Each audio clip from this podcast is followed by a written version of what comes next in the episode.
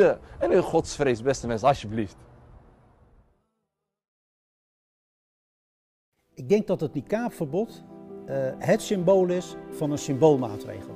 Ja, het is dus een wetgeving die volgens mij een dode letter is opgeschreven. Uh, en vooral ook de standvastigheid die ik om mij heen zag van zusters die hem al droegen en die eigenlijk niet werden gestopt door het verbod. Nog een stapje dichter tot mijn schepper zetten. toont alleen maar aan dat het, het, hetgeen waar het werkelijk om ging niet de samenleving was.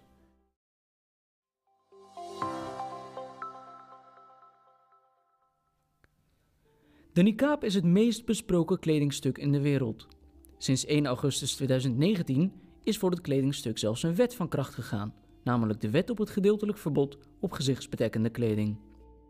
Hoe kon zo'n vrijheidsbeperkende wet worden ingevoerd? En leidt deze wet daadwerkelijk tot een veiligere samenleving? Ruim één jaar later blikken wij terug op de wet. Het resultaat ziet u in deze uitzending van Islamomroep. Een opmerkelijk besluit van de Tweede Kamer vanavond. Onder meer CDA, VVD en LPF willen het dragen van een boerka in het openbaar verbieden. Het verbod is een initiatief van de eenmansfractie van Geert Wilders. Hoeveel boerka's komt u eigenlijk in het dagelijks leven tegen? Um, het groeit in Nederland. Is dat een feit? Dat is een feit. Er komt geen verbod, maar u gaat het wel ontmoedigen. Ik geloof dat voor een algemeen verbod geen aanleiding is. Want het gaat om, wat betreft de boerka, om een beperkt aantal mensen in Nederland. 100, hè, staat in de brief van het kabinet. 100 tot 200. Er komt definitief een boerkaverbod in Nederland. De Eerste Kamer stemde daar vandaag mee in. Boerka's, bivakmutsen en integraalhelmen zijn straks verboden op school, in het ziekenhuis en in het openbaar vervoer. Na 15 jaar politieke strijd is de wet er dus gekomen. Maar wat is nu precies het probleem met deze wet? Een symboolmaatregel voor een niet bestaand probleem die er doorheen is gekomen vanwege de afkeer van de islam. Deze wet zal niet een probleem oplossen, voor zover er een probleem is, want je kunt je ook afvragen, dat was ook een andere ingeving van mij, is dit nou een probleem in de Nederlandse samenleving dat dames met een niqab uh, zich voortbewegen?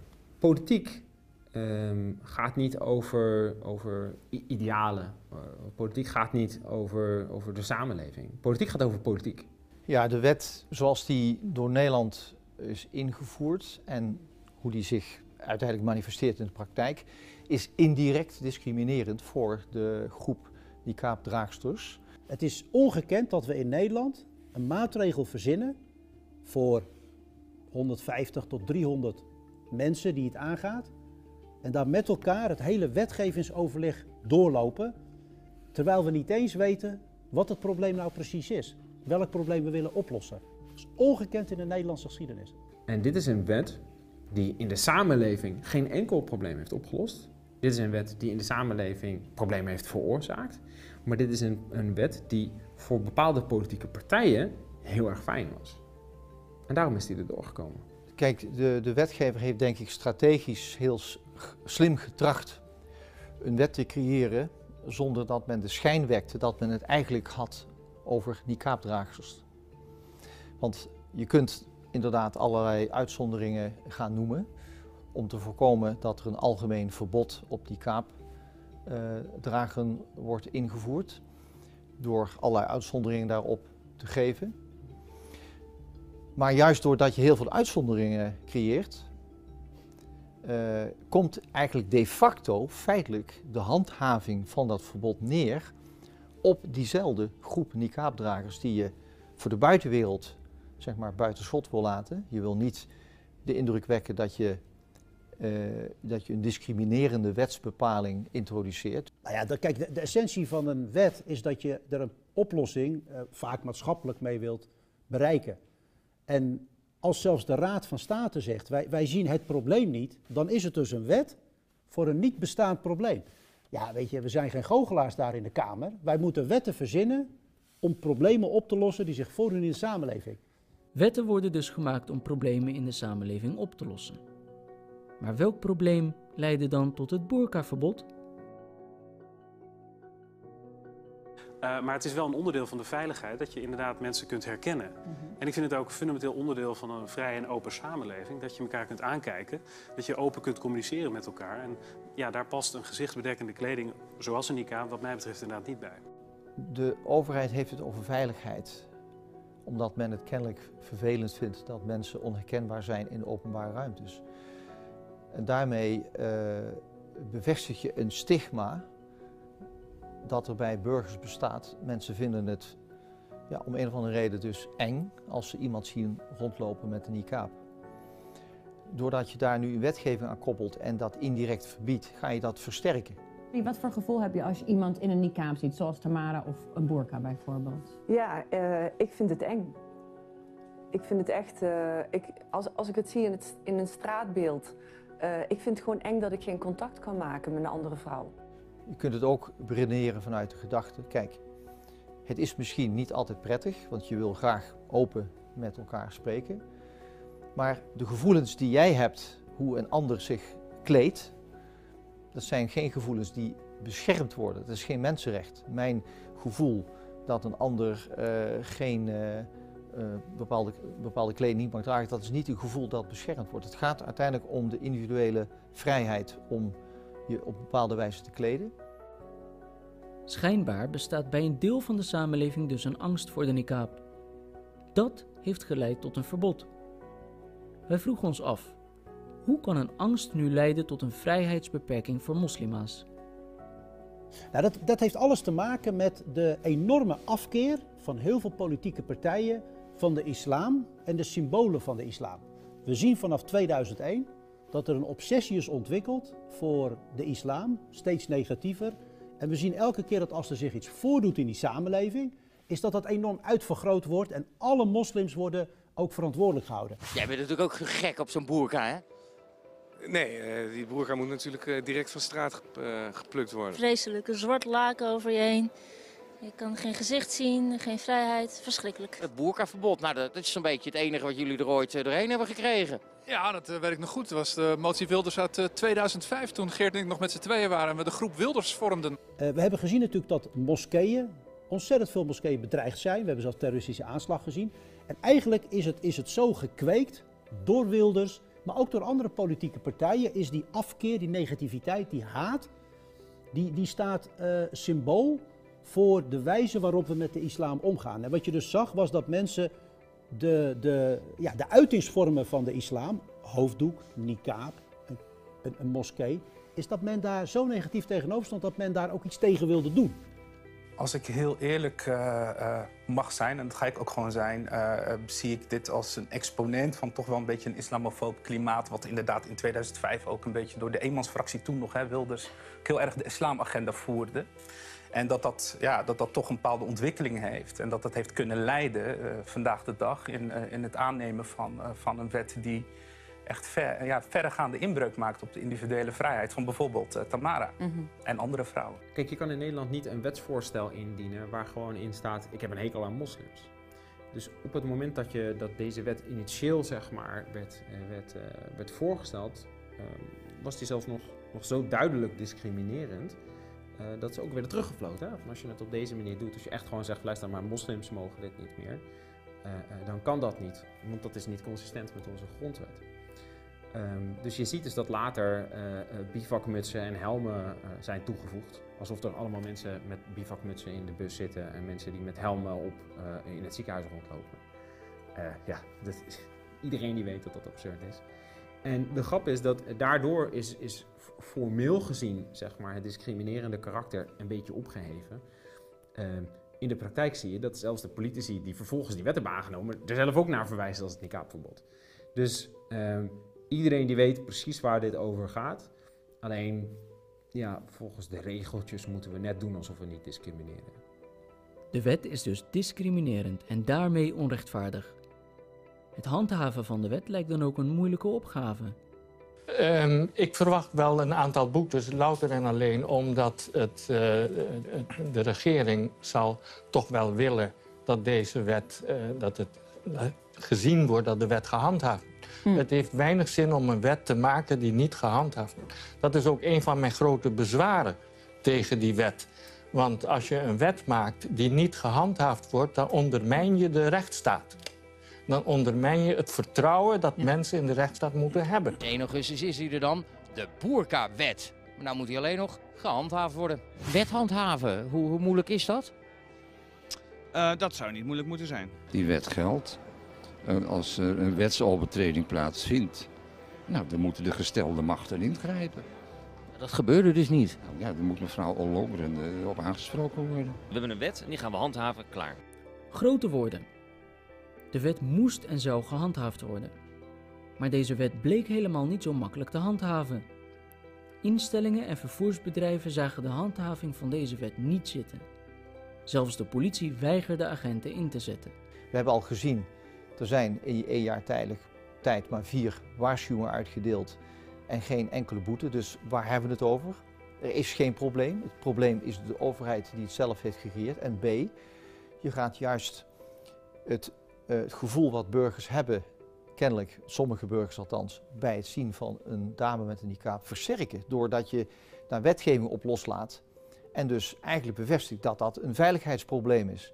Terwijl het dat niet is, want het is nooit aangetoond, er is geen relatie. En dat wordt ook door wetenschappers erkend. Het is duidelijk. De wet is een product van symboolpolitiek. Toch wordt een groep Nederlanders door deze wet ernstig in hun vrijheden beperkt. Wij zijn daarom met de niqab-draagster zelf in gesprek gegaan. Wie zijn zij? Uh, ik ben Cher, ik ben 21 jaar. Ik kom uit de uh, omgeving Zuid-Holland. Uh, in mijn dagelijks leven ben ik een student en ik studeer een technische studie op het HBO. daarnaast heb ik ook een parttime bijbaantje en ik hou er ook van om in de sportschool te sporten. Ik ben 26 jaar. ik woon in Den Haag. Ik ben echtgenote en een moeder. Ehm, daarnaast uh, studeer ik Arabische taal, wanneer ik de tijd ervoor heb. Ik hou ervan om mezelf uh, te ontwikkelen op dagelijkse basis, dus om kennis op te doen over het geloof. Daarnaast ben ik ook veel bezig met mijn studie en uh, hou ik er ook van om fysiek gewoon fit te blijven door regelmatig te sporten. Ik hou me op dit moment voornamelijk bezig met het verzorgen van mijn drie jonge kinderen.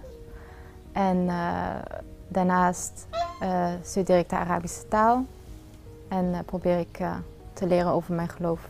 Ongeveer de helft van de niqab-draagsters is bekeerd tot de islam. De dames die wij interviewen vertellen hoe dat bij hun zit. Um, ik ben altijd al wel islamitisch opgevoed, al speelde de islam niet een hele dominante rol in mijn leven, in de thuissituatie. Um, op een gegeven moment kwam ik in een andere omgeving terecht. En um, kreeg ik ook van best wel wat mensen vragen. Van uh, de islam zegt dit of moslims doen dat en jij doet dat niet en hoe zit dat? Uh, dus zo ben ik eigenlijk een beetje ingerold zodat ik ook antwoord kon geven op de vragen. Ik ben uh, bijna tien jaar geleden moslima geworden. ik was vanaf, ja, eigenlijk zolang ik mij kan bedenken, geloofde ik al in het bestaan van God. Ehm, ik was eigenlijk op zoek naar de manier van hoe ik hem moet aanbidden. En uh, binnen het christendom kon ik dat niet zo vinden. Bepaalde concepten binnen het christendom waren niet echt uh, logisch en duidelijk voor mij. Dus ik ben toen uh, verder gaan zoeken en ik ben toen boeken over de islam gaan lezen. Ik ben me daarin gaan verdiepen en daarin heb ik wel die antwoorden kunnen vinden waarnaar ik op zoek was. En wat mij nu vooral echt heel erg aantrekt in de islam en wat denk ik destijds ook uh, een reden was dat ik er zo mee bezig was, is de, omdat de islam zo breed is en zo, zo veelzijdig en alomvattend. Het heeft niet uh, enkel betrekking op, op um, je aanbidding tot God, maar het heeft ook betrekking op je dagelijks leven, op je lifestyle. Het, het, het, het heeft eigenlijk een antwoord op elke vraag. Uh, ik moet eerlijk zeggen dat, ik, dat mijn leven er voor mijn bekering en na mijn bekering er niet per se heel anders uitzag. omdat ik altijd wel het geloof had in God, probeerde ik mij al op een bepaalde manier uh, mijn leven in te vullen. Um, maar het heeft wel een bepaalde zin aan mijn leven gegeven. Dus ik heb een, een doel voor ogen gekregen, waardoor ik serieuzer in mijn leven kwam te staan en uh, naar iets uh, ging toewerken. Dus in, op, die manier ben ik daar wel in veranderd. Ja. ik ben aan het begin van dit jaar begonnen met het dragen van de niqab. dat was al nadat het verbod in was gegaan. Uh, het dragen van de niqab, dat was echt een proces voor mij. Uh, toen ik uh, moslima werd, heb ik in eerste instantie ben ik een hijab gaan dragen zonder bedekking van de handen en het gezicht. naarmate ik meer ging lezen over het onderwerp, me ging verdiepen erin, maar niet alleen over het onderwerp de hijab, maar ook islam in het algemeen, mijn band met mijn schepper en alles wat daarbij komt kijken daaruit voortvloeide eigenlijk het dragen van de niqab. Dus uh, vanuit, een, uh, vanuit mijn, uh, mijn verlangen om mijn schepper nog beter te kunnen aanbidden. Um, ik was er daarvoor al best wel mee aan het experimenteren. En ik denk dat het niqab-verbod wel in een bepaalde mate nog meer interesse heeft opgewekt. Uh, en vooral ook de standvastigheid die ik om mij heen zag van zusters die hem al droegen. En die eigenlijk niet werden gestopt door het verbod. Dus dat heeft mij meer interesse en dat heeft mij meer onderzoek daarna laten doen over wat precies de positie is in de islam en wat het oordeel is erover. En uh, uiteindelijk um, ging ik hem steeds iets meer dragen. Tot op een gegeven moment een punt dat ik hem eigenlijk dagelijks droeg en dat ik me ook gewoon oncomfortabel voelde zonder. Het niqab-verbod is dus een problematische wet waarvan Nederland jarenlang in de ban is geweest. Maar als de wet niets oplost, is er dan nog iemand die belang heeft bij het verbod? Het antwoord op die vraag volgt in aflevering 2. Binnenkort bij Islamomroep.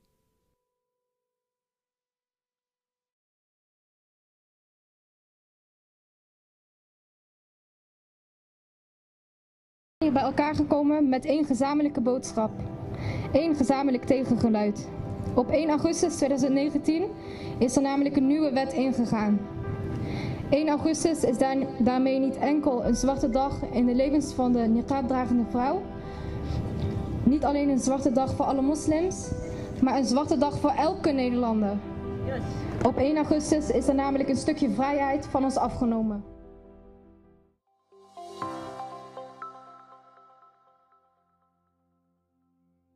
Om het niqab-verbod te legitimeren werd door de voorstanders constant gehamerd op een aantal zaken. Niqab-draagsters zouden niet mee willen doen, ze zouden leven onder dwang en communicatie met de niqab-draagster zou niet mogelijk zijn.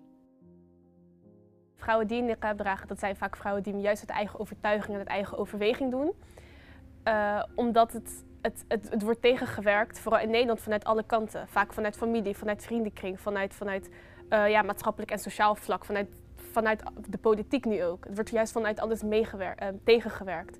Dus vrouwen doen het uit eigen overtuiging. Niemand wordt onderdrukt daarin. Ik ken persoonlijk niemand die, het, die onderdrukt is of die het omwille van iemand anders doet. Iedereen doet het uit eigen overtuiging en uit eigen wil. Nou, wat mij betreft kunnen we op dit moment ook gewoon het gesprek met elkaar aanvoeren. Ik kijk u aan, u kijkt mij ook aan. Het gesprek is gewoon wel echt mogelijk. En ik denk dat als je... Uh, we moeten elkaar natuurlijk ook wel willen horen, in plaats van alleen maar willen zien. Want ik heb wel heel erg het gevoel dat iemand mij gewoon niet wilt horen. Ik, ik, ik, ik spreek, ik, ik praat, ik geef aan uh, wat, wat voor mij de argumenten zijn... waarom ik heel graag een niqab wil dragen. En krijg voortdurend van andere mensen te horen... ja, maar je wordt onderdrukt argument wat het meest wordt aangehaald was uh, overigens niet zozeer dat die vrouwen zelf niet mee willen doen, maar dat ze worden gedwongen om een niqab te dragen. Wat ook objectief gezien niet waar is, omdat er voldoende onderzoek is uh, uh, waaruit blijkt dat, dat, dat, dat vrouwen zelf de keuze maken om de niqab te dragen. Als je zegt worden deze vrouwen onderdrukt, dan is eigenlijk de vooronderstelling dat, zij dit niet uit eigen, dat ze dit niet uit eigen wil doen, maar dat iemand anders het hun oplegt. Daar heb ik geen bewijs voor gevonden. Dat wil niet zeggen dat er geen één vrouw is die dat doet uit druk van de omgeving. Dat kan natuurlijk altijd. Wat ik zeg is dat een groot aantal, bij een groot aantal vrouwen zou dat niet gelden. Ongetwijfeld zullen er vrouwen zijn die gedwongen worden om een te dragen. En als dat zo is, dan is dat verkeerd. Maar deze wet bestraft dan die vrouw hè, en beboet die vrouw en niet degene die de dwang uitvoert. Dus zelfs als je voor, voor, die, voor, voor die van die 100 vrouwen, 150 vrouwen of 300, of het getal varieert, een heel laag aantal. Als daar binnen die groep zelfs nog mensen zijn die worden gedwongen, zelfs dan klopt de wet niet, omdat de wet dan het slachtoffer beboet en niet de dader. dus die zeggen eigenlijk van ja, dit, dit kan helemaal niet zo zijn dat iemand er vrijwillig voor kiest om dit te doen. je kunt er wel vrijwillig voor kiezen om je helemaal niet te kleden. Dat, dat kan iedereen zich voorstellen hier in Nederland kennelijk. Maar als iemand zegt van nou, ik kies ervoor om een hoofddoek te dragen, dan, dan, dan is eigenlijk de heersende opinie is, dan word je gedwongen. Dat kun je niet vrijwillig doen. En, en die opinie in combinatie met de islam, waar gewoon steeds meer negativiteit over is, steeds meer afkeer en ook steeds meer haat tegen wordt gezaaid, betekent dat mensen dus een beslissing hebben genomen die niets meer te maken heeft met het probleem, maar meer met de overtuiging die in het hoofd zit. En op basis daarvan is deze wet dus ook gemaakt vind het gewoon niet oké dat een groep zich buiten die samenleving plaatst en zich isoleert. En wij worden buiten de samenleving geplaatst, want Nee, wij willen zelf. participeren. Ik wil graag meedoen. Ik wil participeren. Ik wil niet. Nee, je zondert jezelf af. Absoluut wel. Je wil niet meedoen. Je kan ik niet zeggen van ik word uit. Ik maar ik geloof Ehm, de notie dat dit, dat dit vrouwen zijn die niet mee willen doen, is, is abject. Want zij verzetten zich tegen een wet die hun beperkt om mee te doen. Dus de hele reden dat vrouwen met een niqab zich hebben verzet tegen deze wet, is omdat deze wet hun beperkt in het meedoen in de samenleving. Dus als je daarna zegt, ze willen niet meedoen, dat is, dat is stupide. Ik zie in niqab juist als mijn persoonlijke ontwikkeling. Dit is mijn religieuze ontwikkeling. En dit is juist het toonbeeld dat ik als vrouw zijn en mijzelf heb ontwikkeld. Dus ehm, dat ik dan beperkt word omdat ik mijzelf op deze manier ontwikkel. Omdat ik mijzelf ehm, eigenlijk mijn vrijheid en mijn recht neem om te dragen wat ik wil. Dat ik daar dan in word, dat- ik daar dan in word beperkt op andere maatschappelijke en sociale vlakken. Ehm, dat vind ik eigenlijk best wel een denkfout die wordt gemaakt. Dat ik mezelf beperk met mijn gezichtsbedekking. Je moet dit niet zien als dat mensen dus een wet hebben bedacht tegen deze vrouwen. Nee, dit, dit, is, de, de, dit is een wet om iets tegen de, de radicale islam te doen. Dus, dus dit is eigenlijk een symbolische maatregel vanuit Nederland om te zeggen: kijk ons eens iets doen tegen deze uitwas van de islam. Het gaat niet zozeer om die vrouwen. Dus van, eh, van alle eh, eh, argumenten die ik tot nu toe heb gehoord hierover, die worden gebruikt door voorstanders van deze wet, moet ik zeggen dat als je gewoon objectief ze toetst, dat ze het geen van alle halen. De realiteit is dat dit is een wet die is geïnitieerd vanuit Geert Wilders en die voortvloeit uit anti-islamitische ideeën. Punt. Hoe kan het dan toch dat de wet er in een vrij land als Nederland doorheen is gekomen? Wie heeft eigenlijk profijt aan deze wet? Wetgeving komt heel vaak tot stand door eh, gelegenheidspolitiek. Eh, ik denk dat eh, deze wetgeving er met name is gekomen onder het gesternte dat er in Nederland meer veiligheid zou moeten komen. Maar de wet geeft totaal geen enkele vorm van veiligheid. Maar waar het uiteindelijk om gaat is dat, eh, dat dit een wet was die ten gunste was van de politiek zelf.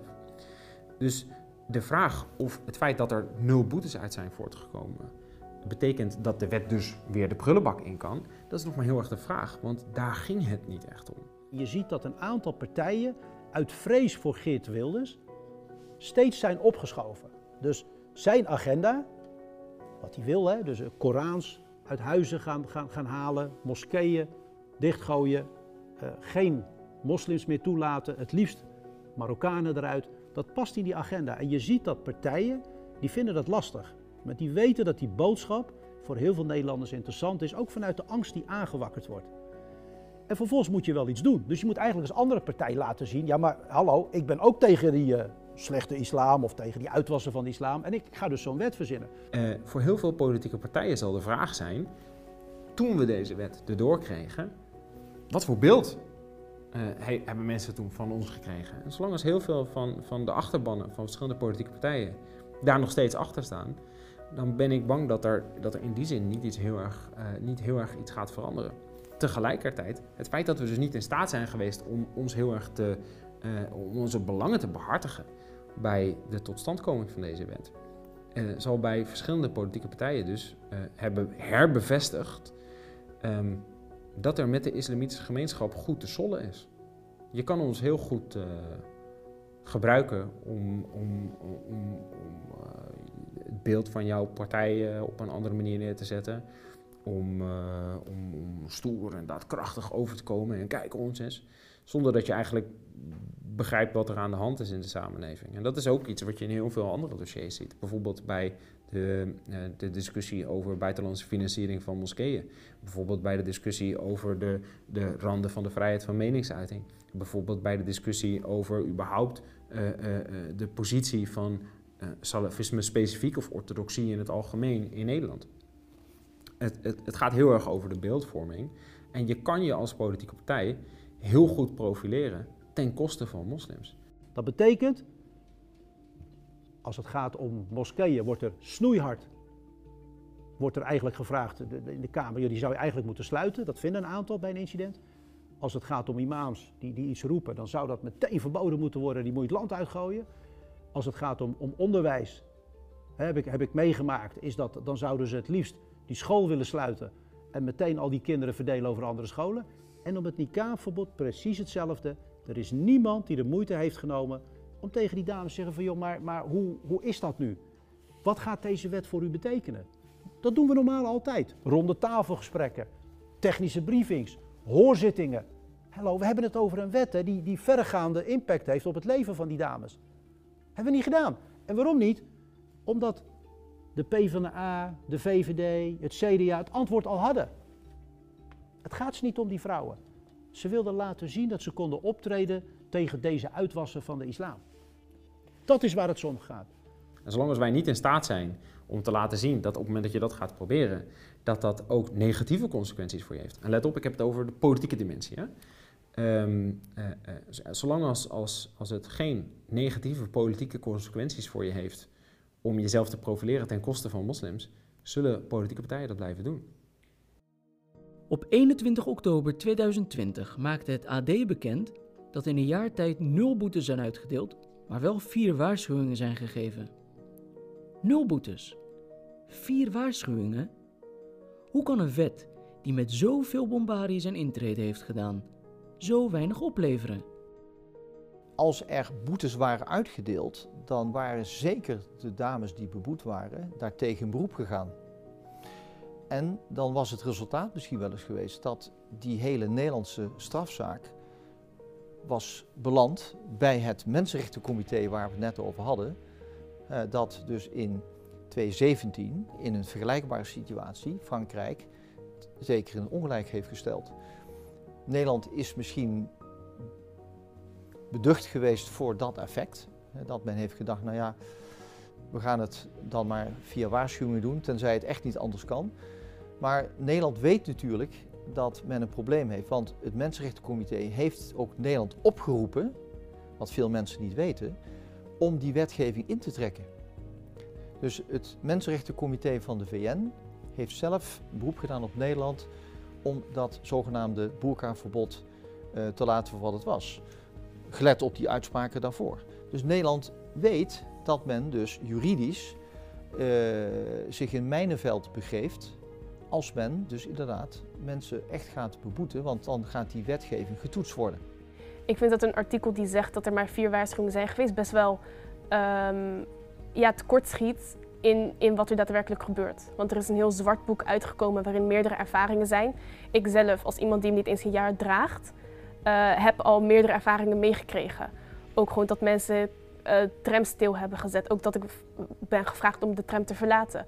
Ook dat zelfs eh, conducteurs aan mij hebben gevraagd wat ze moeten doen, omdat ze niet weten wa- wat, wat anderen doen. Dus eh, dat er maar vier waarschuwingen zijn geweest, is echt een, echt een ja, klopt niet helemaal. Ik heb geen bekeuring gehad. Ik denk ook dat nog geen enkele niqab-dragende vrouw een bekeuring heeft gehad. Eh, maar wat wel belangrijk is om hierbij te vermelden, is dat een bekeuring niet. ehm, je moet niet, niet afgaan op enkel de bekeuringen. Want tussen, ehm, ja, tussen het niet uitschrijven van een bekeuring of het wel uitschrijven van een bekeuring, daarin zit een grijs gebied. Waarin heel veel conflicten voorkomen, heel veel onveilige situaties, ehm, beperkingen. die allemaal eigenlijk niet zichtbaar zijn voor buitenstaanders. En het is er wel, maar er wordt niet over gesproken. En er zijn geen bekeuringen. Ja, is die bekeuring dan een, een, een, is die bekeuring dan een, eh, werkelijk een, een afspiegeling van wat er echt werkelijk gebeurt op straat of buiten? Nee, die bekeuring is dan geen werkelijke afspiegeling van wat er aan de hand is. Tot zover aflevering 2. Of deze wet nog van tafel geveegd kan worden? Dat zien we in aflevering 3.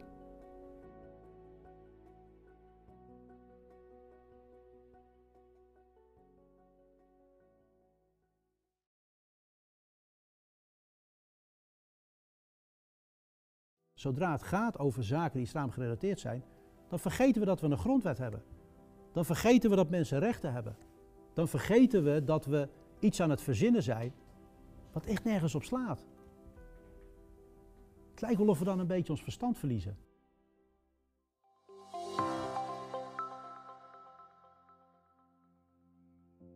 Het boerkaverbod heeft veel losgemaakt.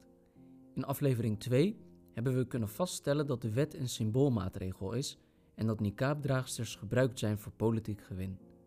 Maar diezelfde politiek, die koste wat het kost het gedeeltelijk bedekken van het gezicht heeft verboden, werd een jaar later geconfronteerd met een nieuw probleem.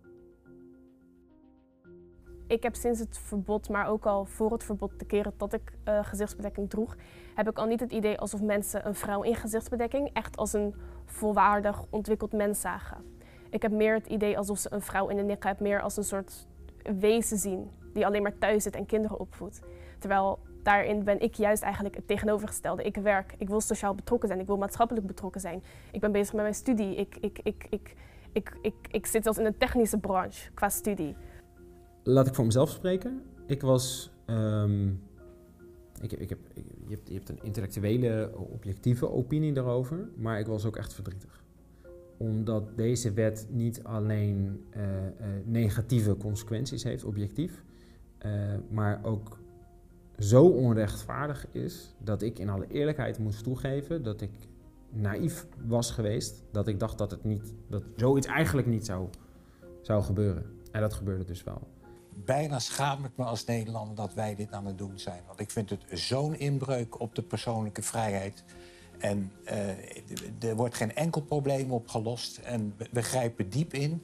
Ik denk dat deze wet vooral geldverspilling voor de overheid heeft opgeleverd.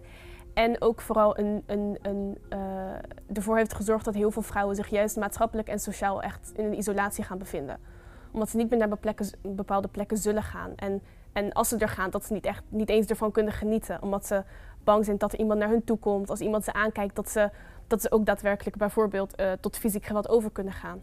Dus ik denk dat het alleen maar negatieve punten met zich mee heeft gebracht. Um, dus dus ik, ik, ik vond dat wel echt um, verdrietig.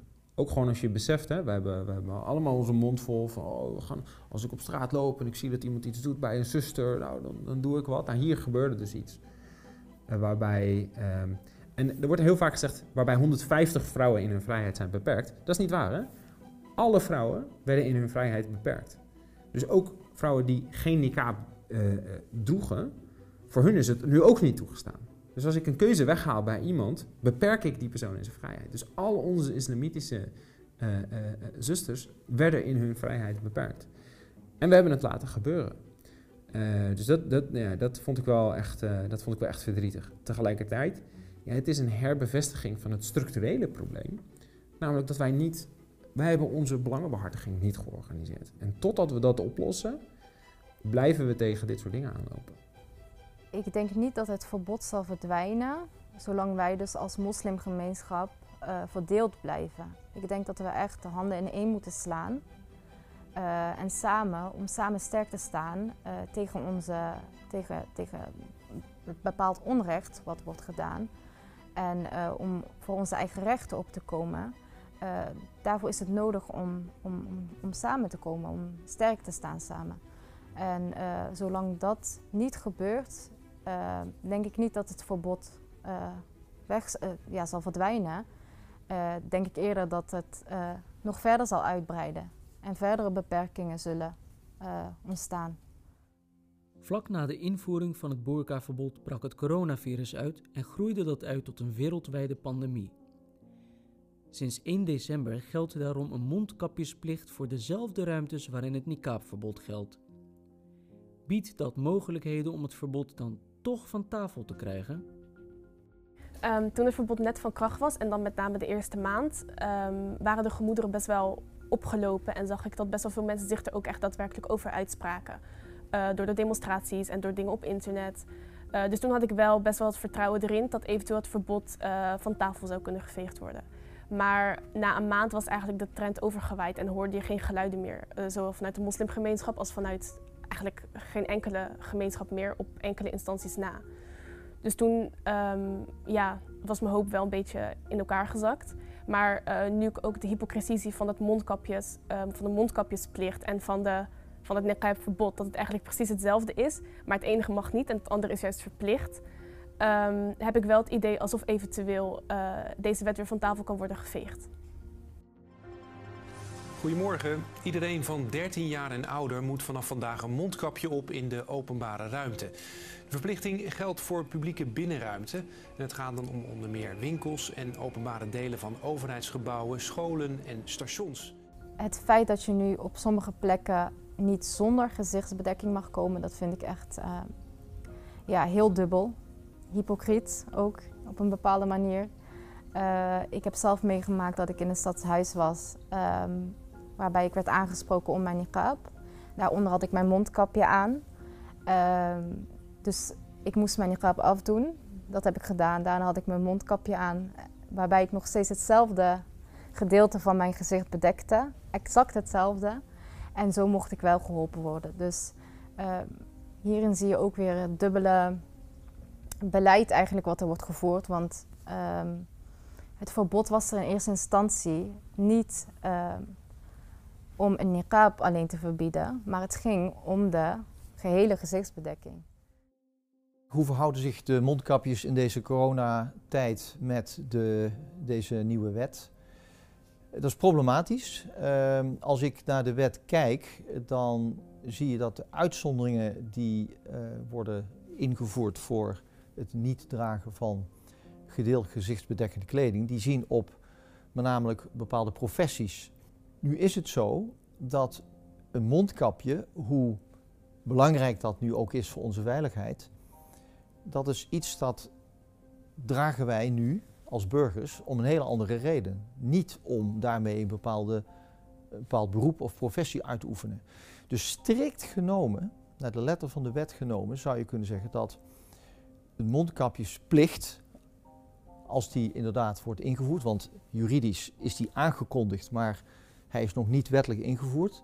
Als die zou worden ingevoerd, dan zou je dus een conflict krijgen tussen twee wetten.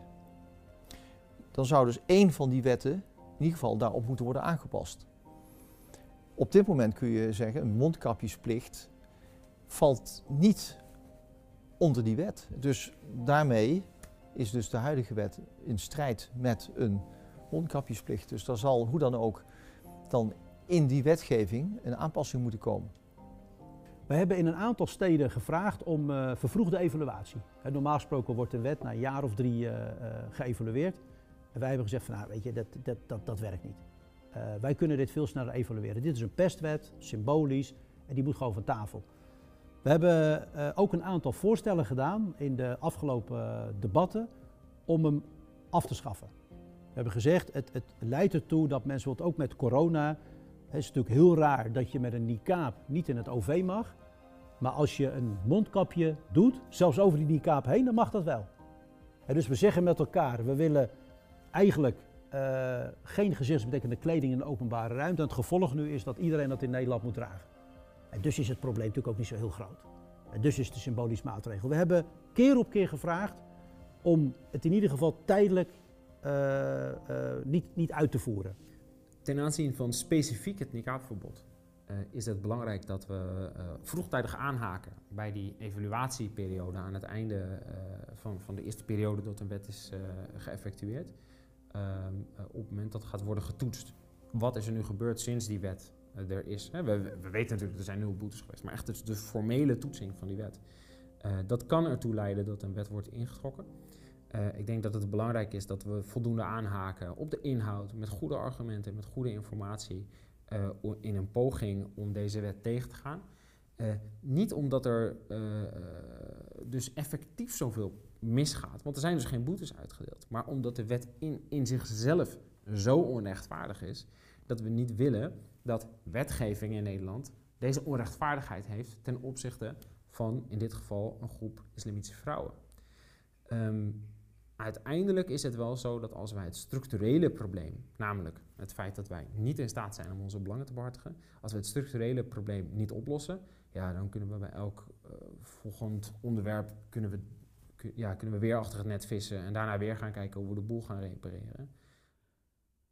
Er zijn goede argumenten nodig om een vroegtijdige evaluatie succesvol te kunnen laten zijn. Een goed argument kan bijvoorbeeld zijn dat met de wet fundamentele rechten en vrijheden worden geschonden.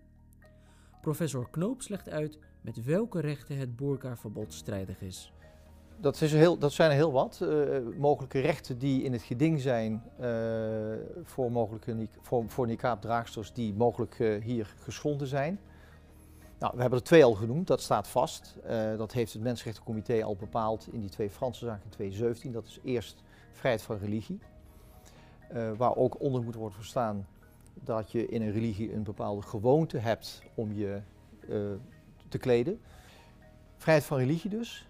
Dan krijg je de discriminatieverbod, waarvan het Mensenrechtencomité heeft gezegd dat is indirect hier geschonden. Op de derde plaats uh, het recht op bescherming van je persoonlijke integriteit lichamelijke integriteit. Je kleding is daar een onderdeel van. Mag de overheid niet zomaar op ingrijpen. Vierde uh, recht dat uh, in het geding is hier is het recht op privacy. Je privacy, daar moet je ook onder verstaan natuurlijk hoe jij je privé wil gedragen en daaronder dus ook kleding valt. En nummer vijf, uh, dat zijn een groot aantal sociale rechten. Het recht op toegang tot onderwijs, het recht op toegang tot gezondheidszorg, het recht op toegang tot openbare dienstverlening. Want feitelijk is het zo dat een, iemand die in die kaap draagt daarmee, op principiële redenen en dat wil zeg maar, ophouden op het moment dat zo iemand die sociale rechten wil benutten, wordt die recht onthouden. Want je mag niet in school naar binnen, je mag dan ook niet naar een gemeentehuis, je mag ook niet een ziekenhuis in. Dus die sociale rechten worden dus dan indirect uh, geblokkeerd. Dus dat zijn vijf uh, fundamentele mensenrechten die door middel van deze wet in het geding zijn. Wat dus lang als onmogelijk werd geacht, werd toch werkelijkheid. Een wet die vele fundamentele mensenrechten schendt en vrouwen disqualificeert van deelname aan de maatschappij.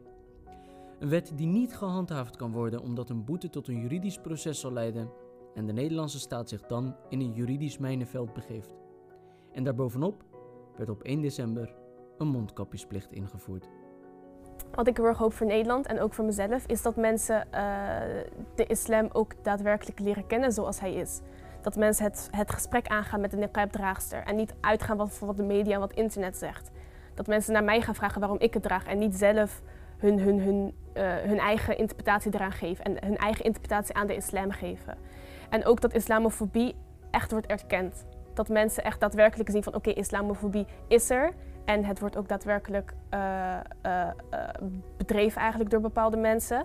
En niet dat het discriminatie ophoudt bij kleur of etniciteit, maar ook echt daadwerkelijk in religie terugkomt. Tweede is dat je natuurlijk je moet blijven organiseren. Wij kennen een aantal actiegroepen, Blijf van Menikaap. We kennen het meldpunt uh, islamofobie. wij hebben zelf nu een, een, een, initiatiefnota gemaakt om bijvoorbeeld moslimdiscriminatie, waar we dit ook onderscharen, om dat systematisch aan te pakken. Omdat we zien dat er eigenlijk heel veel aandacht is voor veel vormen van discriminatie. Maar als het gaat om discriminatie tegen mensen die islamitisch zijn, ja, dan doet de Kamer daar niet zo heel veel aan. Dat, dat vinden ze lastig. Het boerkaverbod schiet het doel dus volledig voorbij. Is dit alles dan voldoende om de wet ongedaan te maken? Ja, het is dus een wetgeving die volgens mij een dode letter is opgeschreven. Het zou mij niet verbazen als volgend jaar wij hier weer zitten uh, en er nog steeds sprake is van een aantal waarschuwingen dat die wet uiteindelijk wordt ingetrokken? Um, de wet heeft mij zeker niet ertoe aangezet om hem misschien juist af te zetten of mij daarover laten twijfelen. Het heeft mij juist standvastiger gemaakt, um, omdat je dan echt puur en alleen jouw niqab draagt omwille van Allah, wat ook echt de reden is waarom we hem dragen. Dus het heeft mij juist eigenlijk meer standvastigheid gegeven en, en juist geen twijfel gegeven om hem af te zetten juist eigenlijk die, die, die koppigheid om hem overal juist op te zetten, aangezien dat ook mijn recht is en mijn vrijheid is om hem op te houden. We blijven strijden, dat moeten die dames doen, dat doen wij in de Kamer en ik hoop dat er steeds meer partijen opstaan die deze dames ondersteunen. Omdat het alternatief namelijk is dat ze steeds verder afdrijven van de samenleving, steeds meer geïsoleerd raken. Ja, en dan lijkt het of we het probleem opgelost hebben, maar in feite hebben we het een stuk groter gemaakt.